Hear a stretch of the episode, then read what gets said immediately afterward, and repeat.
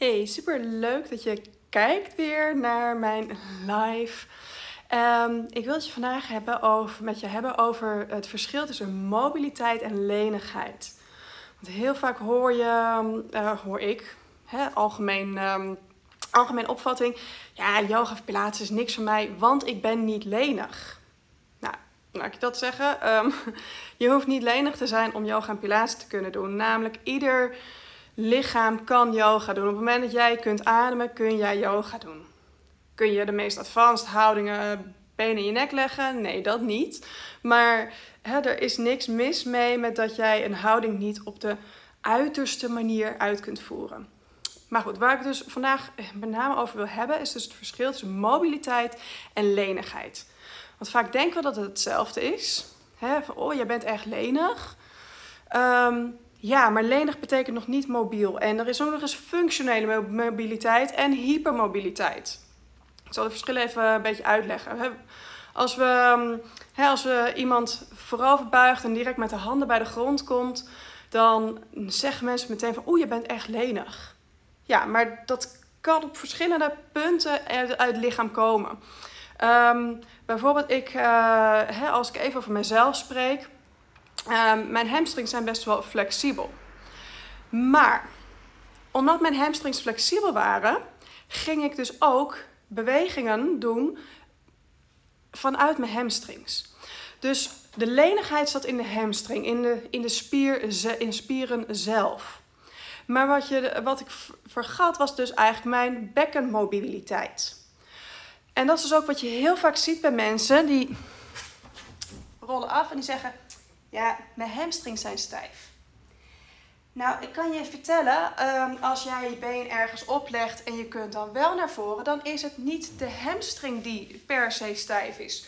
Of als je echt een hamstring stretch doet en um, de, de stretch zit niet midden in het bovenbeen, in de hamstring, dan is het niet je hamstring die stijf is waar jij het voelt.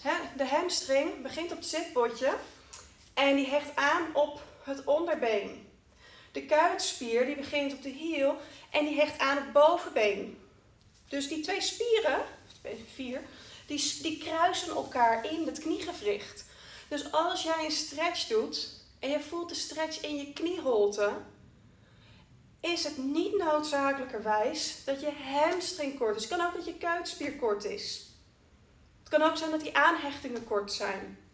Dus kijk ook waar jij een bepaalde stretch voelt. En dan is het dus niet meteen dat die spier kort is.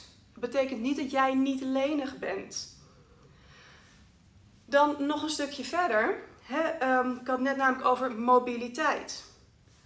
Toen ik op de, ik reformer, toen ik de reformer pilates ging doen, toen leerde ik oefeningen waardoor de mobiliteit in mijn bekken vergroot werd.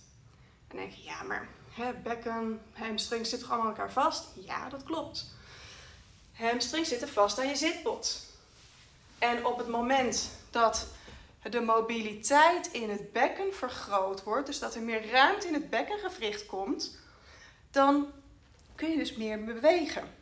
Met andere woorden, ik leerde door een hele simpele pilatesoefening, ik ga hem zo laten zien, leerde ik hoe ik dus ook bewegingen en stretches mijn bekken mee kon nemen.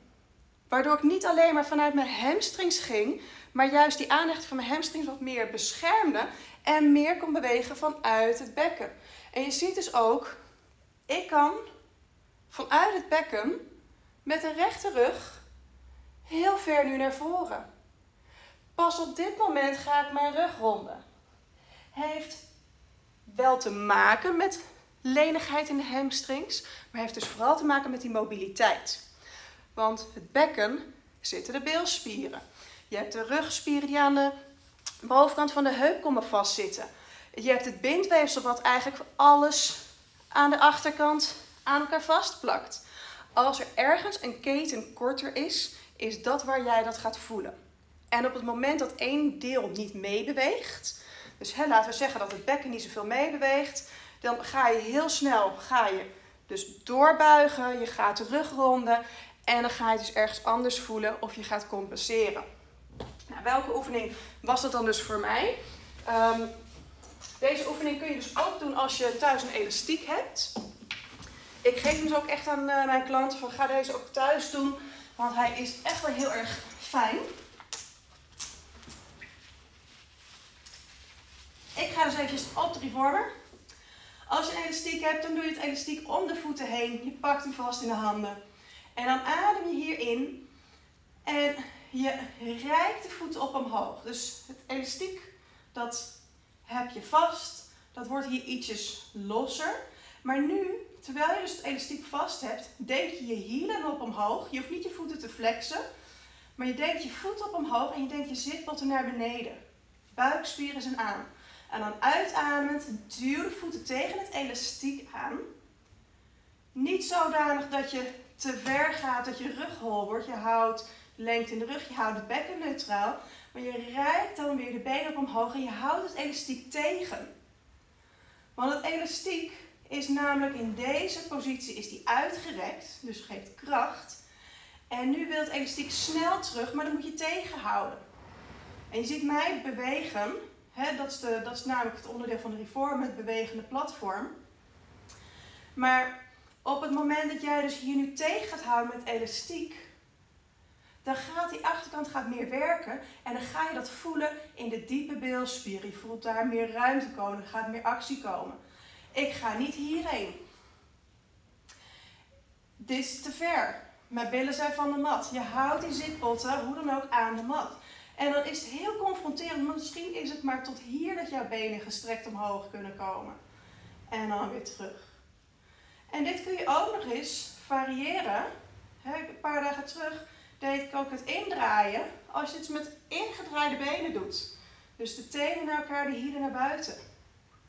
Als je dat doet, geeft je een heel ander gevoel. Heel andere rek in het bekken. Door ook de benen in alle posities naar buiten draaien, parallel naar binnen draaien te gaan bewegen, ga je ook meer mobiliteit creëren in het bekken zelf.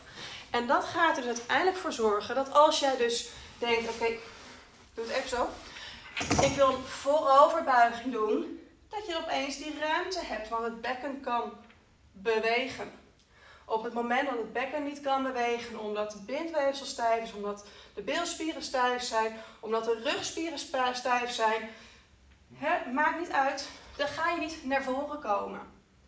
Dus geef niet alle schuld aan de hamstrings, want lenigheid in de hamstrings zijn niet alles. Um, lenigheid in de hamstrings kan ook namelijk tot heel veel blessures leiden, omdat je dus alles vanuit de hamstrings gaat doen en dan dus heel snel ook weer in die aanhechtingen gaat zitten. Ik zei net al, je moet functionele mobiliteit hebben in een gewricht.